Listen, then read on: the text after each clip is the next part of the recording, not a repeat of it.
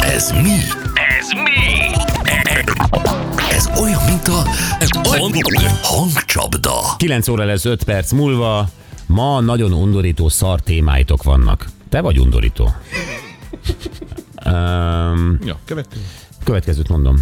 Um, főni, én is szoktam tapasztalni a hatásszünetet telefonálás közben, ez érdekes. Uh-huh. Nálam bevált az, hogy újra hívom, és a probléma megszűnik. Talán a Jettelhez lehet köze, mert én náluk vagyok előfizető. Nem, Ö, valaki írja ezt, hogy a hívott félnél valószínűleg be van kapcsolva a wifi, vagy mobilnetes, internetes hívás, és általában ilyenkor van csúszás a hangban.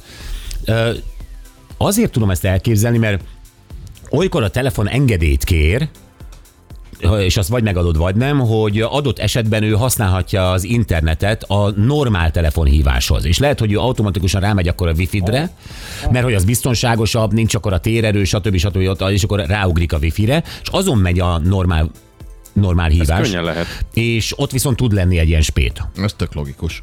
Igen. Ebben van, és ezt vagy használja az ember, vagy letiltja az ember, ha wifi közelében van, Peti otthon volt, véletlenül a routerei ott működnek. benne. És ez simán elképzelhető, hogy ez így működik. Jó, hát azért utána járunk, hogy mi, mi okozhatja, és akkor igyekszünk megszüntetni, ha nálunk van, ha meg nem nálunk van. Szerintem nem nálunk van, mert, mert akkor az egyik ilyen lett, a- a- tehát akkor mindegyik ilyen lenne. Így lenne. Meg itt nincs wifi.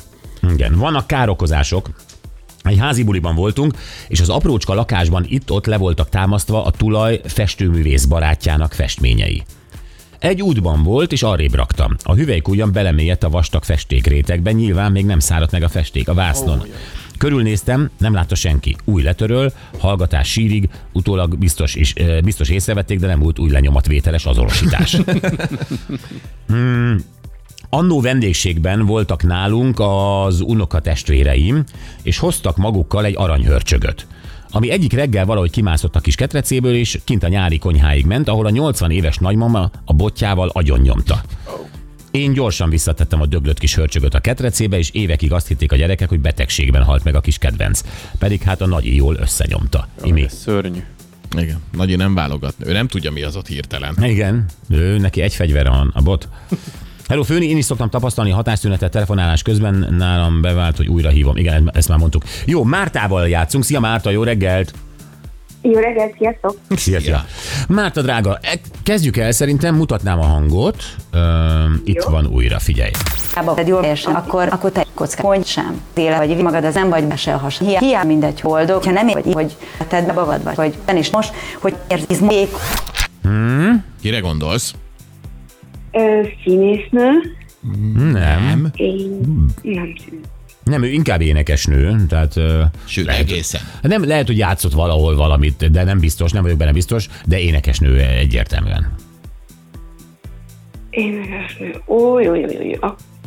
Nézd, a civil hangját is sokszor lehet hallani, mert olykor vendég, például az én mm, tévéműsoromban is, de most jelenleg zsűritag is valahol.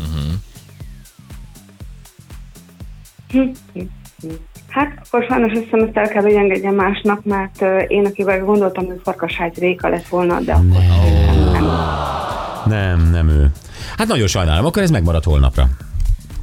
Igen, én is köszönöm. Köszönöm, Márta, köszi, szia, szia. Szia! Szia. Azért ez a kiangosítóról való lebeszélés, ez nem sikerül, Gyuri, most Márta esetében. Hát én csak kérni tudom, hogy aztán mi történik, abban már nincsen lehetőség Tudom, tudom, tudom, tudom. Nem tudunk embereket kiküldeni hallgatók lakására, hogy Nem. likvidálják, hogyha vétkeznek. Ez, ez, Ez sajn, nagy hibája ez a Próbáltuk, rádió. próbáltuk, de én nem. ezt a putyinos dolgot ö, szeretem.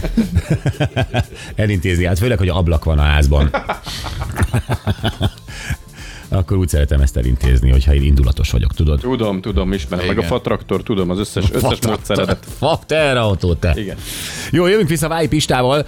Szeretne a horror karavánok ellen egy hadjáratot indítani, mert hogy e, én nem tudom pontosan, mi ez a horror karaván, de ti mondtátok, Hát hogy dehogy valami nem, hát szörnyű. látod az autópályán, amikor mit egy román kisbusz után van kötve egy utánfutó, arra rá van rakva egy kis teherautó, és annak a tetején még egy ilyen félúj vagy használt autót visznek maguknak nyugatról. Például. Igen, ja, akkor abszolút tudom.